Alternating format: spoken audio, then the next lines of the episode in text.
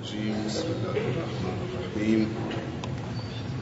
الحمد لله والصلاة والسلام على رسول الله وعلى آله وأصحابه ومن والاه. أما بعد السلام عليكم ورحمة الله تعالى وبركاته. قبل از هر چیز الله تبارک و تعالی رو بسیار تشکر می‌کنیم و سپاس گذاریم خاطر همه نعمت های خوبش همه نعمت های خداوند خوب هست مفید هست بیزرر هست. خداوند در هیچ نعمتی از نعمتهایش برای بندگانش در نظر گرفته و استفاده از این نعمتها را حلال نموده ضرر و زیان قرار خاصیت هر نعمت مفید بودن نعمت است. اگر نعمتی مفید نباشد اگر نعمتی برکت نداشته باشد خداوند اون را نعمت به حساب نمیآورد.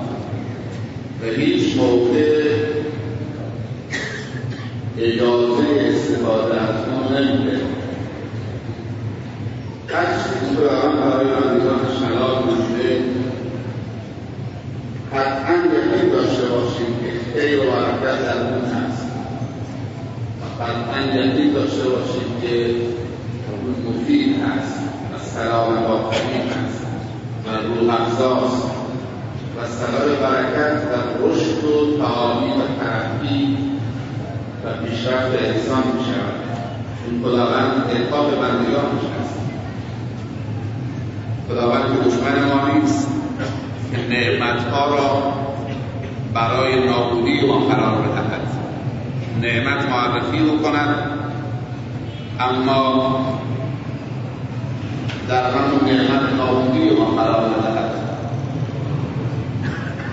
و هر چیزی که خداوند اون را گناه معرفی کرده و در نتیجه حرام کرده این را بدانیم که هیچ فایدی و هیچ برکتی در حرام که گناه هست وجود نداره اگر برکت و فایده و خاصیتی داشت خداوند که خیرخواه بندگانش هست و بندگانش را دوست می‌دارد و ارحم الراحمین هست و الرحمن الرحیم هست. هیچ موقع چیز مفید را برای بندگانش ممنوع و حرام نمی‌کرد کافی است که همین دو تا مطلب در حلال و حرام را بدانیم که حلال فایده دارد برکت دارد. نظر لطف خداست. یک چیز حلال را برای بندگانش قرار داده که استفاده ببرند. استفاده بکنند خودشون رو توانمند بکنند. کافی است که مطلب دومش هم بفهمید هر چیزی که خدا اون را گناه معرفی کرده و معصیت معرفی کرده در نتیجه حرام نموده ممنوع کرده که استفاده بکنید این را بدانید که خیلی درش نیست.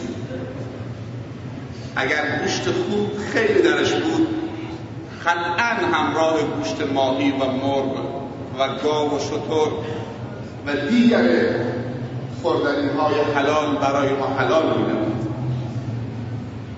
اگر در شراب خیلی بود و در زنا خیلی بود هیچ موقع خداوند اون را گناه معرفی نمی‌کرد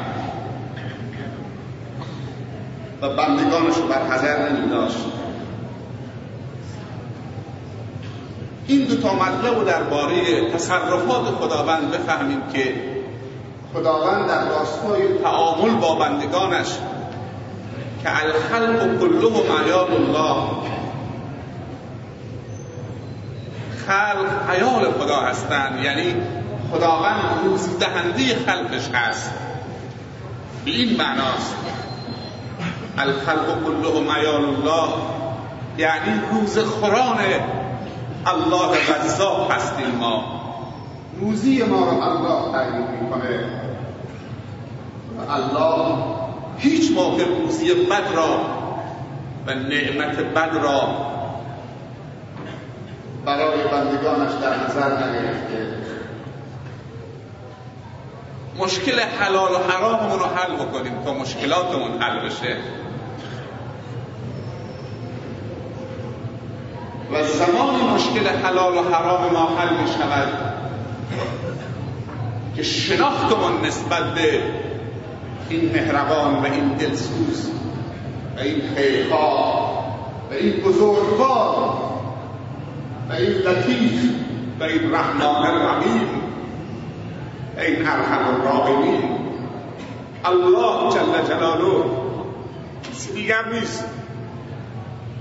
شناختمون نسبت به این کامل بکنیم. و بعد از اینکه شناخت و کامل کردیم لحظی درنگ نکنیم و تأخیر نکنیم و به سوی او بشتابیم با تمام وجودمان. اذا عرفت فلزم پیامبر صلی الله علیه و سلم میفرمایند اگر شناختی پس نگه بدار شناخته ها را. اگر حلال شناختید حلال نگه بدار. تا از کف بیرون نره. و اگر حرام و شناختید و مذرات حرام خودتو نگه بدار از حرام. تا حرام زندگی تو و دنیا تو و خانواده تو و آبرو و حیثیت تو و سلامتی تو و مال تو و فرزندان تو و همسران تو را زیر و زبر نکنند. هر کسی خود را از حرام بعد از شناخت حرام نگه نداشت خود اونم حفظ نخواهد شد پایدار نخواهد شد. هیچ احدی با حرام آبرومند نشده و هیچ احدی با حرام رو سفید نشده و توانمند نشده و پایدار نشده و نام نیک ازش باقی نمونده. حلال رو باید شناخت. حرام رو باید شناخت. و کسی که حلال و حلال کرده و حرام و حرام کرده را باید شناخت. حرام را باید دور کرد تا آفتها و مصیبتها و بلاها و پریشانیها و اضطراب و ناامنیها از ما دور بشود و حلال رو باید در آغوش کشید. در آغوش کشیدن حلال یعنی در آغوش کشیدن خدا. و خود را به آغوش الله سپردن. الله حلالی که طیبات هست برای ما حلال کرده. و در آغوش گرفتن حرام یعنی در آغوش ابلیس رفتن چون همش حوادث و رجالس و نجاست ها و پلیدی ها رو برای ما تشویق می‌کنه و برای ما معلمان میآورد امروز روز مبارکی است بهتر از روز جمعه کدوم میآید. مگر روز عرفات دور هم رسیدن براش. یا به دست آوردن عرفات. خیلی مشکله خود را در صحرای عرفات ببینید. اما از برکات روز عرفات حتی بدون حضور تو فیزیکی تو در اونجا هم می شود همه روزها را عرفات کرد. هر شب شب قدر است اگر قدر بدانید اگر قدر ندانید که شب عرفات و شب عید و شب قدر که شبهای مبارکی هستند. برای نزدیک شدن به معنویات و به الله که سرچشمه معنویات است. و ها اون شبها هم می‌دیدیم که انسانهایی که توفیق از اونها سلب شده در اون شبها به معصیت خدا می‌پردازند. سعادت نصیب شد. در روز جمعه تقریبا آخرای ماه زیحجه و در شرف استقبال ماه محرم که تحولات بزرگی در ماه محرم و رفتارهای بزرگی صورت گرفته و اول تاریخ هجری مسلمان ها هست. در خدمت شما بزرگواران در این شهر خوب و مؤمن و در جمع علاقمندان به معنیات و خوبی ها و علم علما حضور داشته باشیم. سعادتی بود. اما باید از هر سعادتی صد تا سعادت بیافرینیم. انسانی عاقل و انسانی موفقه که از یک توفیق خداوند صد توفیق برای خودش و برای هم نوعان خودش درست می‌کنه. از یک ریالی که خداوند به او می‌دهد صدها ریال برای توانمندی خودش و توانمندی جامعه. از یک حرف علمی که خداوندش توفیق میده به معلوماتش اضافه بکنه صدها کلمات علمی و جمله های علمی و ارزشمند برای خودش و هم نوعان خودش تولید می‌کنه. از یک موقعیت و نفوذ اجتماعی که برای او پیش میاد. خدا توفیقش می‌دهد که اون نفوذ و توان اجتماعیش و موقعیت اجتماعیش را برای توانمندی کل جامعه و هم نوعان و هم کیشان خودش استفاده بکنه. تو کسی ذهنت دیگران بیمانی نشاید گل به روی شما که نامش نهن عالمی بنی آدم از یک دیگرند که در آفرینش زیر پیکرند زیر گوهرند. که عضوی به درد آورد روزگار دیگر عضوها را نماند قرار. خطبه که جناب شیخ بقوی منبر مبارک ایران فرمودن هرچند که به عربی بود اما کلماتش غریب و آشنا نبود. برای همه ما و شما چون کلمات معنوی با هیچ انسانی غربت ندارد. خیلی کلمات و جمله ها و نگاه ها هست که ترجمان لازم ندارد نیاز به ترجمه و تفسیر نیست. یکی از این کلمه ها الله است. یکی از این کلمات محمد هست صلی الله علیه وسلم اینها کلماتی است که شراین انسان وجود انسان روح و روان انسان را تعالی میبخشد. سیقل میبخشد. این کلمات نفوذ معنوی دارد. نیاز به ترجمه ندارد. هر انسانی که خالقش اللهه و هر انسانی که فرستادی به سوی اون برای تکامل معنویش رسول خدا صلی الله علیه و سلم معلم هدایت بشریت این کلمات و این جمله نیاز به ترجمان ندارد.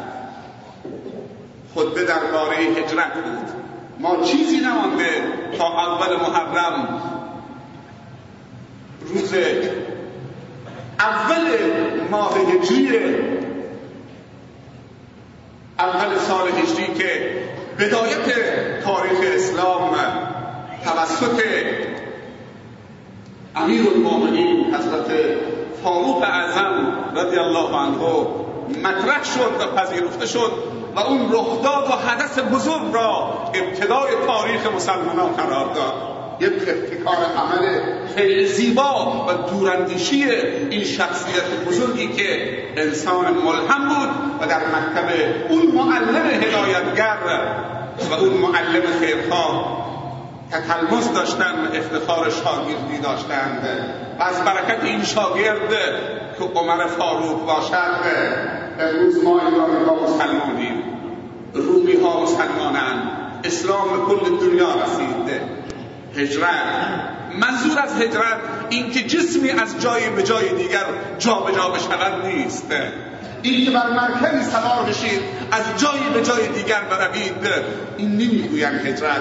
هجرت منظور اینه که دل تو از بدی میل بکنه به طرف خوبی. فکر تو از فکرهای پلید و شوم تغییر جهت بدهد به طرف افکار و تصورات مثبت و ارزشمند و مفید. دل تو از حب معصیت و گناه به طرف حب طاعت و حب خیرخواهی برای خلق خدا حرکت بکنه. از جهل نادانی به طرف علم. تخصص گرفتن تحصیلات عالی دنیوی و اخروی داشتن دینی و دنیوی مادی و معنوی داشتن از کارهای ناشایست به طرف کارهای خوب حرکت کردن. هجرت واقعی یعنی این. اینکه دل ما از مسائل شرکی و کفری و فکر ما و روح و روان ما آزاد بشود و به سوی توحید به سوی ایمان به سوی اخلاق سوی علم و عظمت حرکت کنند. بزرگترین نعمتی که خداوند به بندگانش ارائه کرد و منتهای نهایت رحم خدا و خیرخواهی خدا و لطف خداست نسبت به بندگانش نعمت علم و معلم هست. هیچ نعمتی معادل نعمت علم و معلم نیست. این علم و معلم بود که مسیر بشریت را عوض کرد. و چه معلمی کاملتر و خیرخواهتر و دلسوزتر از این معلمی نصیب ما و شما شده. سراغ داری در بشریت معلمی کاملتر خیرخواهتر دلسوزتر از معلمی که نصیب خودمون شده. میشناسیدش؟ رسول خدا صلی الله علیه و سلم کاملترین معلم بشریت نصیب ما مسلمان شده. اما ما از این معلم کامل چه بهره ای هر کسی جواب این سوال را خودش بدهد.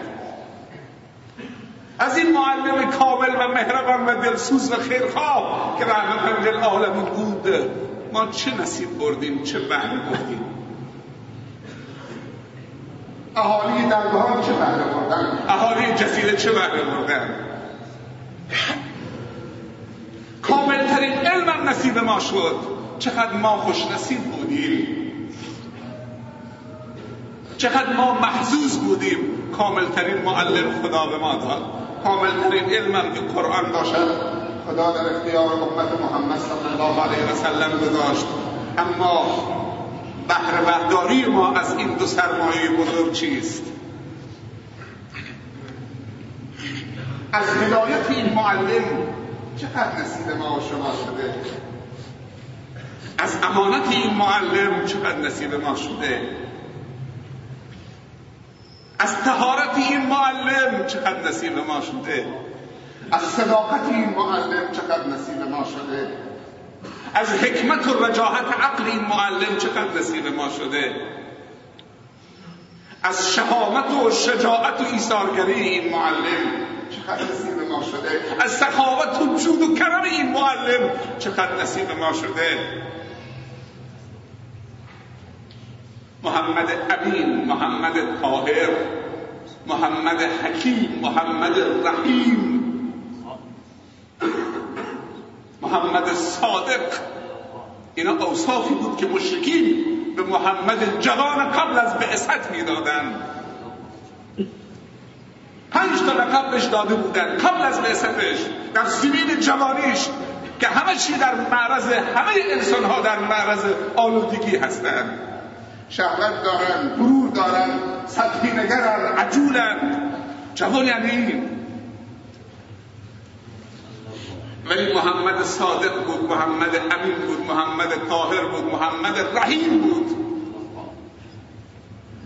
از رحمت و شفقت این معلم چه نصیب ما و شما شده؟ امروز مسلمان مثل گرد شده به جان هم افتاده. اگر ما بتونیم همین غیبت و بهتان و تهمت زدن رو از جامعه اسلامی دور بکنیم باور بکن از بو از بوی هم کردن سیر نمی‌شویم. می‌خوام دست هم بگیریم. یادمون میاد که یه روزی این ما پشت سرمون غیبت کرده رو منو میچرخونیم دستمونم برمیگیریم غیبت صفت گرگان است که میدرد جامعه را. بهتان دیگه وحشتناکتر جامعه اسلامی رو تخریب می‌کنه فلج می‌کنه زمینگیر می‌کنه رشد رو ازش می‌گیره. تو کدوم حدیث و آیات و کلمات این معلم دلسوز تشویق به غیبت شده؟ تشویق به بهتان شده. تشویق به تهمت شده. تو کدوم کلاس درسی این معلم یاد شاگرداش داد؟ عنوان درس نوشت. تشویق کرد. یحل لهم الطیبات یحرم معلم الخبائث همین ستا قلم قدم از جامعه اسلامی دور بکنیم. صلح و صفا و صمیمیت جایگزین می‌شود. خطیب ما امروز با چهار جمله از کلمات زیبا و جملات زیبا و مفید و پرمحتوای این معلم هدایت خودش شروع کرده. قال رسول الله صلی الله علیه و سلم افش السلام و سل الارحام و اطعم الطعام و صلوا باللیل و الناس نیام تدخل الجنة بسلام.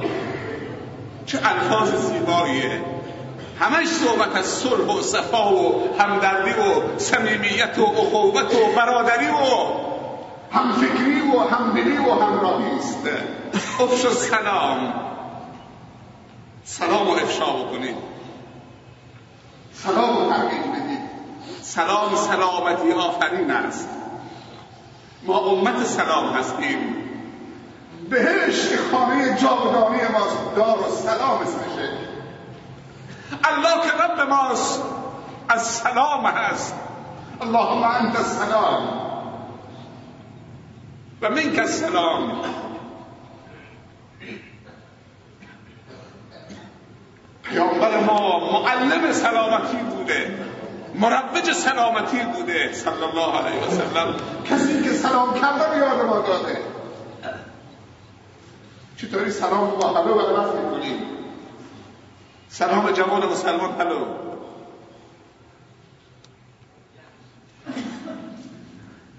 افش السلام اگر دار سلام می‌خواید افش السلام هدف از سلام چیه؟ تقویت روابط اجتماعی.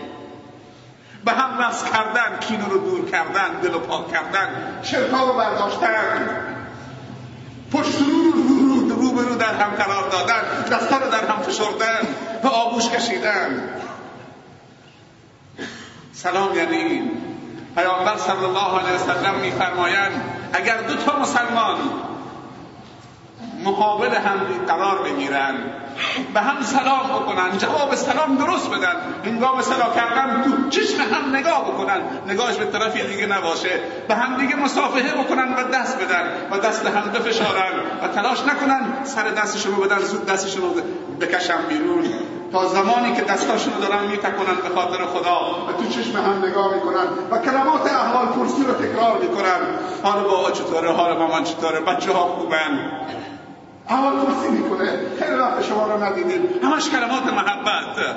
تا زمانی که دستشون در نیاوردن و میتکنن تشبیه می‌کنه به شاخه خوشبینی درختی که خوش شده. یک شاخه رو بگیرید به تکنید چطوری برگاش میریزه. گفته گناه دو طرف میریزه. همونطوری که شاخه خشکیده درخت رو اگر به تکنید چطوری برگاش میریزه. چرا برای سلام ارزش قائل نیستیم؟ کسی که الله سلامی که الله و رسول الله صلی الله علیه و براش ارزش قائل شده ما براش ارزش قائل نیستیم و پیامبر صلی الله علیه و سلم برحضر داشتند امتش را از اینکه سلام را خصوصی بکنند. و میگه در آخر زمان گروهی از امت من که در صف نمازم حاضر میشن رو به قبله هم نیستن. اما سلامی که عمومی هست برای همه بندگان خداست سلام خصوصی می‌کنن. فقط به افراد خاص سلام می‌کنن و جواب به افراد خاص میدن. اگر یه تاجری جواب سلامش هم نده صد بار براش. اگر یه حاکمی یه مسئولیه یه قلبریه التماسش می‌کنه که جواب سلامش بده. اینجاست که پیامبر صلی الله علیه و سلم میفرمایند اگر برای یک تاجر فقط به خاطر مال منال دنیویش و پست و مقام دنیویش جلالش بلند بشید و تعظیمش بکنید دو سوم ایمانت از دست دادید. و اکثر اهل بهشت فقرا هستند و فقرای امت من 500 سال از تجار امت من روز قیامت زودتر وارد بهشت می‌شوند و تاجر امت من میاد تاجر امت من. روز قیامت چتری رو سرشه اون چتر همون فقیری که در دنیا رو سر اون تاجر قرار داده. اگر صدقه قبول نمی کرد خدا به برکه صدقه قبول کردن اون برادر فقیرش چتری رو سر تاجر مسلمان گذاشته. اگر نه همین چتر نداشت ويل لكل همزة لمزة الذي جمع مالا وعدده يحسب أن ماله أخلده كلا. لينبذن في الحطمة. وما أدراك ما الحطمة نار الله الموقدة التي تطلع على الأفئدة اینجا اون زبانه به اینجا وصله. اینجا رو میش می‌زنه زبانه. چرا؟ چون اینجا محل حرس و طمع و شهوت های ناروا و تکبر و غرور و حسادت و محل همه فسادها. این دل و پیامبر صلی الله علیه و سلم میفرمایند اگر پارچه گوشتی در بدن انسان اصلاح شد کل بدن انسان اصلاح می شود و اگر اون پارچه گوشت فاسد شد کل بدن فاسد می شود و اون پارچه گوش گفته مدغه هست به اندازه نصف دست قابل چمیدن هست. شما رو آگاه بسازم از اون پارچه گوش که اگر اصلاحش کردی کل زندگی تو جامعه اصلاح می شود و اگر فاسدش کردی کل جامعه فاسد می شود علا وحی القلب چقدر لباست تو می‌زنی وقتی دلت خرابه؟ چقدر سرتو شانه می‌زنی وقتی دلت پر از کینه و چرک و دشمنی است؟ تن آدمی شریف است به جان آدمیت نه همین لباس زیباست نشان آدمیت. شما می‌دونید که خود به خطیب امروز درباره چی کسانی بود؟ درباره ابو بکر بود رضی الله عنه درباره عمر بود رضی الله عنه درباره عثمان زنورین بود رضی الله عنه درباره علی کرار بود علی حیدر حیدر بود رضی الله عنه درباره عشری مبشره بود. درباره حسن و حسین همه بزرگانی که شاگردان این مکتب شدن و در این راه بزرگ شدن و به عظمتی رسیدن و عظمت آفریدن. شما دوست ندارید؟ خداوند جزیره رو امسال پنجاه روز پیش آزمایش سختی کرد.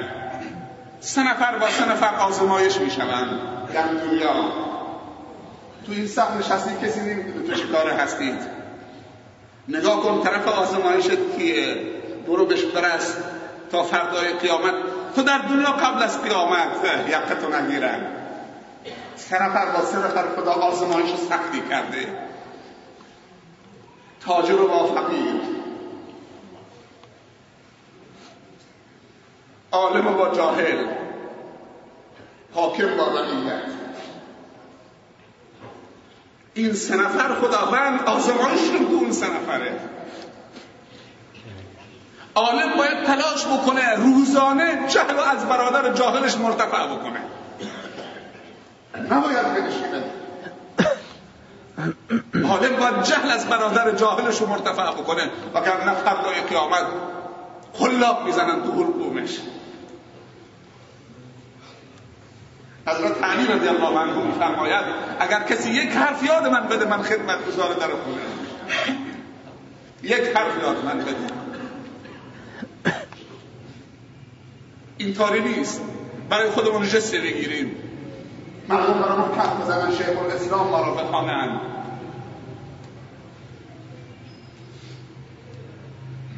همسر یک ملایی می‌گفت ملا شوهر من ملای بزرگی بود تو منطقه. بعد که ملا اونو بیرون کرد و طلاقش داد مشکل پیش آمد براشون. می‌گفت بعد از ظهر جمعه همه ملاهای روستاها جمع می‌شدن پیش ملای بزرگ. جلسه می‌گرفتن. بعضی موقع بعد میشنیدم که می‌گفتن چیزی یاد مردم ندید تا مردم محتاج شما باشن. تا بتونید بر اونها. اگه آگاه شدن بیدار شدن عالم شدن. ما کمرن میشیم. نیت سرروزشون با ما دعا بکنید. نیت نمی‌دونم فلانشون ما بکنیم. باید وابسته ما بشن تا بتونیم ازشون سواری بگیریم تا بازارمون را نقد داشته باشه. ولی صحابه همه کوله بارشون رو گرفتن رفتن تو مناطق. ننشستن که هر نماز فرضی تو مسجد الحرام صد هزار نماز ثواب بگیرن. فکر می‌کردن که یک آیه یک حدیثی ها مردم تو مناطق بدن از دنیا و مخشی ها و تمامی چیزهایی که خورشید برش طلوع کرده ارزشش بیشتره. علما جستشون از دست بودن به مردم خدمت بکنن جهل و مرتفع بکنن. در همین جزیره قش ما بیش از 250 تا طلبه خوب داریم. که از هزینه شون شده. اینها رو باید دقه هاشون بگیرید. به کار بکشونیدشون. وگرنه فردای قیامت مسئولن. اما تاجر وقتی تو اختیار گرفتم. هر کسی گوش نشه خیلی آزاد. بدون هیچ وسواسی بلند بشه بره. چون دین یعنی عشق. ایمان یعنی عشق. تا عشق نباشه نمی‌تونید تحمل بکنید تا عشق نباشه نمی‌تونه حرکت بکنید تا عشق نباشه نمی‌تونه استقامت بکنید خسته بشید. اما تاجر با فقیر. پیامبر صلی الله علیه و سلم فرموده همینطوری که انتصار امت من در حرکت علمای امت من هست از مفهوم احادیث گرفته می شود این مطلبی که می‌خوام بگویم همینطوری که پیروزی امت اسلام مرتبط به حرکت علماست. حرکت خالصانه علما و رهبران دینی و هدایتگران و معلم و مرشدین هدایت و خوبی ها همینطور گفته پیروزی امت من در حرکت تجار امت من هست که همراه علما حرکت بکنن اینجا سرمایه گذاری بکن رو دین مسلمان ها تاجر مسلمان دیگه سمعن اینجا فرسن سرمایه گذاری بکن رو افت مسلمان ها اگر مسلمان عفیف شد پاک میشه از پاکی توانایی ایجاد میشه. اینجا تو که تاجری تو که بازار درست کردی تو دردهان بیا 500 تا جوان داماد بکن. تو نوبت ترافیک پول مهریه نداره. پول یخچال و کلدش نداره. بیا هر دامادی 500 هزار تومن بده. سال 50 تا 60 تا 100 تا. جوانی که تو درگاهان تو جزیره داماد نشده برید بپرسید چرا ازدواج نمی کنید پیامبر صلی الله علیه وسلم میفرمایند هرچی آمار متأهلین بالاتر برود جرم و جنایت در جامعه کمتر می شود و هرچی آمار مجردین زن نگرفته ها بیشتر باشد. و همون جرم و جنایت و فحشا و فساد در جامعه بیشتر می شود چرا این حرفا رو گوش نمیدیم تو که پول داری بازار درست کنی. تو که پول داری. موقعیت اقتصادی داری. چرا سال پنجاه تا داماد جوان رو که به افت رسوندی؟ اگه پنجاه تا داماده پنجاه تا هم عروسشه همسرشه. یعنی تو یعنی تو با پنجاه تا داماد صد تا رو به افت رسوندید. و روز قیامت وقتی بود در روی رسول الله میفته میگه با پولی که خدا به داد چند تا جوان مسلمان رو به افت رسوندید. جواب داشته باشید سالی صد تا رو من به افت رسوندید.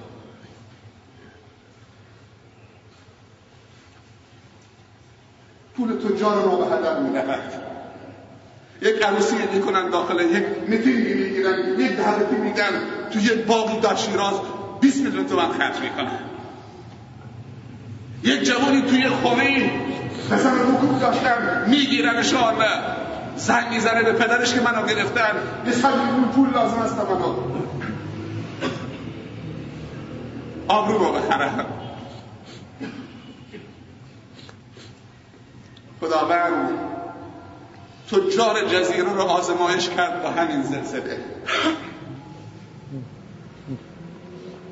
و مردم جزیره رو و علمای جزیره رو با همین زلزله آزمایش کرد. زلزله زدگان در جزیره روسفید در آمدن تو برو با پیرزنش بنشین با جوانش بنشین با بچهش بنشین. توی این روستاها من نشنیدم. توی این چند باری که رفتم سرشون زدم که یکیشون شکایت خدا پیش خلق خدا چهار هزار تا خونه خراب شد. و از همون پیرزن هم نشنیدیم که کلمات کفر بگه. حتی تعجب مسئولین رو برمیدن که این چه زلزله زدگانی هستن. خونه هاشون خراب شده تو خیمه نشستن. با هفتا هشتا بچه بچه این سرما. همش دعای خیر همش کار خدا شکر خدا. خدا ایمانمون کامل بکن. خدا آخبتمون بخیر بکن. روزی این یه گذری داشتیم بر چهار تا از این روستاها. از کوشه گرفته و خمبان و کمرزین. اصلا بچه ها با شروع گشتن هم کوچکا چقدر معدب چقدر خوب. صداشون زدن همه آمدن کنار مسجد. جمع شدن تو کمرزین. 300 تا بچه ها کنار مسجد. دانش آموزا جمع شدن. بزرگاشون همه نشستن. وقتی من رفتم کمرزیم یکی از همین بزرگان کمرزیم گفت این زلزله برای ما خیر شد. گفتم چطوری؟ گفت ما هیچ وقت 20 عالم با هم ندیدیم که بیان تو کمرزیم مگر بعد از زلزله. یک ماشین منبوس باز شد درش 20 عالم ازش پیاده شد.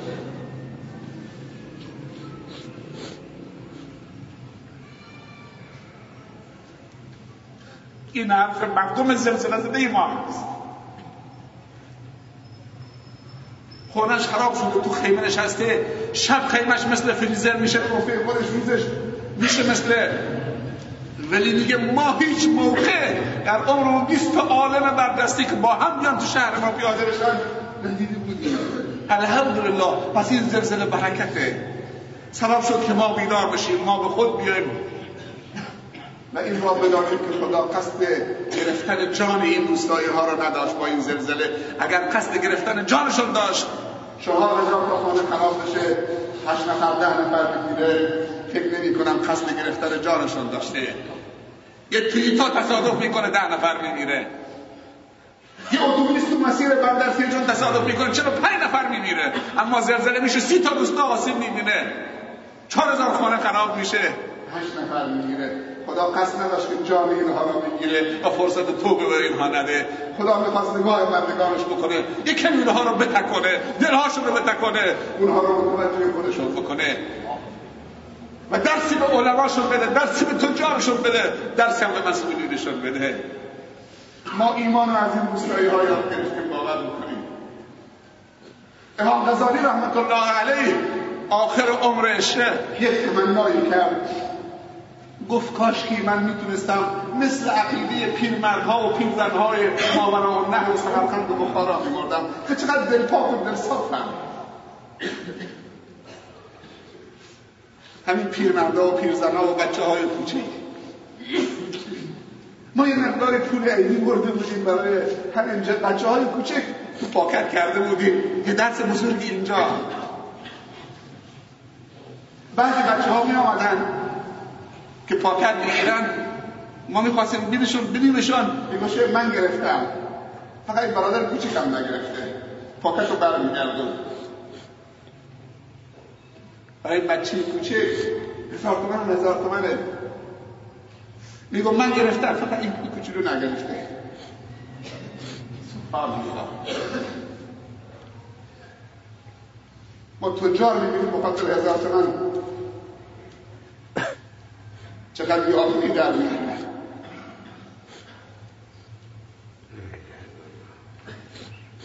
تجارت داریم می‌کنیم که جمع بکنیم یا قطع بکنیم. با مال میشه ایمان تولید کرد برای جامعه. این سقفی که سر شما چه مسجد باشکوهی دارید این با چه درست شده؟ با مال تاجر. ایمان داره برای شما تولید می‌کنه. این میکروفون خریداری شده. حرف داره میشنوی حرف خدا ایمان برای شما تولید می‌کنه. منبر خیر درست شده. جای الفت و صفا و صمیمیت درست شده. جای سجده و رکوع و قیام و عبادت و توبه درست شده. بگه ما درست نشده.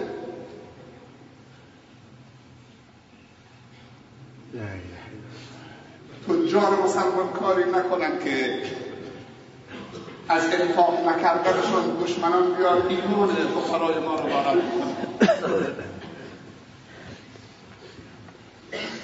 یک پیشنهاد دارم. چند تا عبدالرحمن ابن اینجا نیستن؟ چند تا عثمان زنوره اینجا نیستن؟ چند تا ابوبکر عمر اینجا نیست؟ رضی الله عنهم اجمعین. هر خانه 20 متری دو میلیون و 500 هزار تومان هر خانه 20 متری یه اتاق. یه اتاق 20 متری با یه آشپزخانه با یه حمام. با یه آشپزخانه کوچه دو میلیون و 500 هزار تومان هر من ناصره. کسی هست که امت محمد نصرت بکنه؟ صلی کسی هست؟ یه خانه دو میلیون و پانصد هزار تومن. که این بدبخت از تو خیمه در بیان برن تو اتاق. این خیمه خیمه مسافرتی نیست. خیمه تفریحی است. عمر مفیدش دو ماه پودر میشه. چقدر دردآور زن جزیرتی معذرت می‌خوام که چقدر شرم حیا داشت. وقتی مرد رد می‌شد می‌رفت به طرف دیوار. میدوید به طرف دیوار که این مرد نبیندش. همشون میستاد جرأت نمی‌کرد روش رو بر بگردونه تا اون مرد رد بشه اون ماشین رد بشه. بعد نگاه می‌کرد اگر رد شده بر بگردونه روشو. امروز بالاخره طبق تقدیر و سنت الهی. زلزله کاری رو مسلمانی و کافری نداره. آزمایش خداوند. عباده خداوند هر چندگاه. امروز همون زن مجبوره که لباسش رو خیلی بیرون خیلی بشونه رو بند. همون زن. همون زن جزیرتی با شر و حیات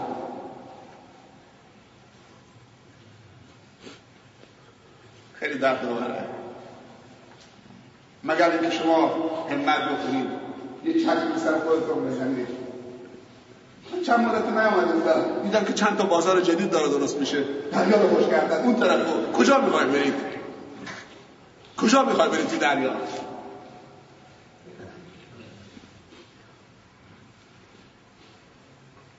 صد تا خونه تو تنبان درست کنید تو تنبان صد تا خونه. میشه 250 میلیون تومان اندازه یه مغازه تو ستاره جون. اندازه مغازه تو تو بازار قش. صد تا خانه درست بکنید میشه 250 میلیون تومان پول برای کسانی که دارن.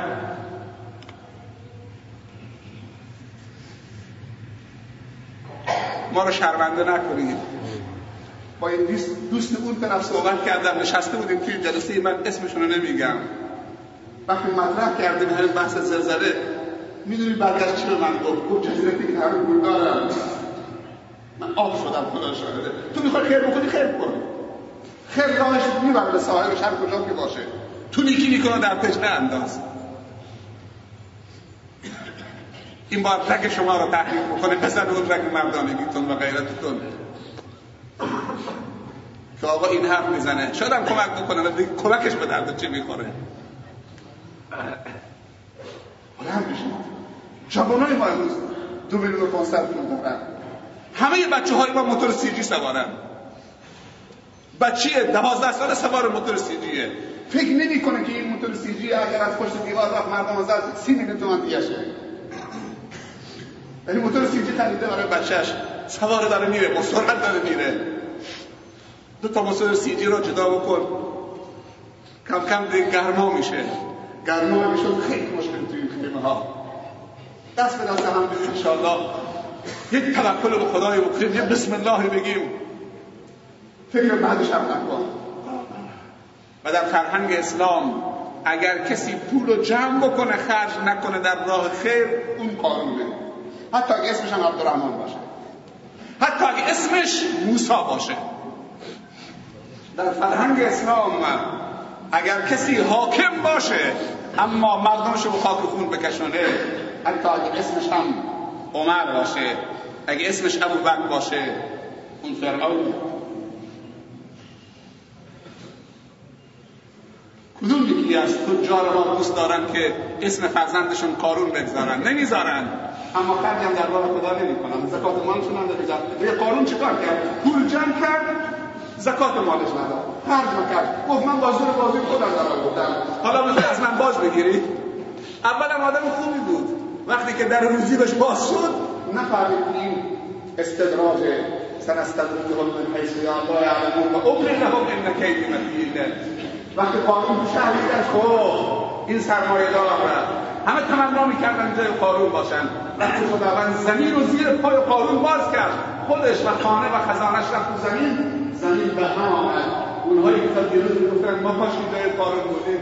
گفتن الحمدلله خدا. تو اشتباه کردیم تمنا کردیم. تو خود تحت الحاکمی تو خود بهتر تو خود حکیمی الحمدلله که جای قارون در دنیا سراغ داری که مسلمانی همه از پول خوشمون میاد. کسی از پول بدش نمیاد. کسی از این که رئیس باشه بدش نمیاد. رو سر رئیس شورا شدن دعوا می‌کنیم. تا چه برسه رو سر رئیس جمهور شدن؟ همه دوست داره که تو کمبود انسانه. ولی فرعون کل دنیا حاکم بود. کدومی که از من و تو اسم فرزندش فرعون گذاشته چون فرعون حاکم بود. کدوم یکی از من و تو اسم فرزندش رو قارون گذاشته چون قارون سرمایه‌دار بود؟ شخص سوم انسان حاکم با رعیت آزمایش می شود امیدوارم که هر سنفر این سنفری که اسم بردن هم تاجر مسلمان و هم حاکم مسلمان و هم عالم مسلمان هر ستا تو این امتحان مستفید در بیان. امیدوارم که انشاءالله قبل از رسیدن فصل گرما به کمک شما و توفیقی خدا به شما میده. انشاءالله بشتابیم به روستاها و انشاءالله کلنگش رو بزنیم. تعدادی از دوستان مبلغی رو جمع کردن. وقتی می‌خوان که کلنگ یکی از این خونه های 20 متری بزنن توی این روستاها حالا جمع میشن بعد لیست اون برادرانمون که آسیب دیدن لیستشون مثلا صد نفرم کنه ندارن مثلا. بعد کنه میندازن. به اسم هر کدوم درآمد. تا یک کسی دلخور نشه که مال اون اول مال اون درست کردیم دوم مال من درست کردیم چهار ماه دیگه مال من درست میشه.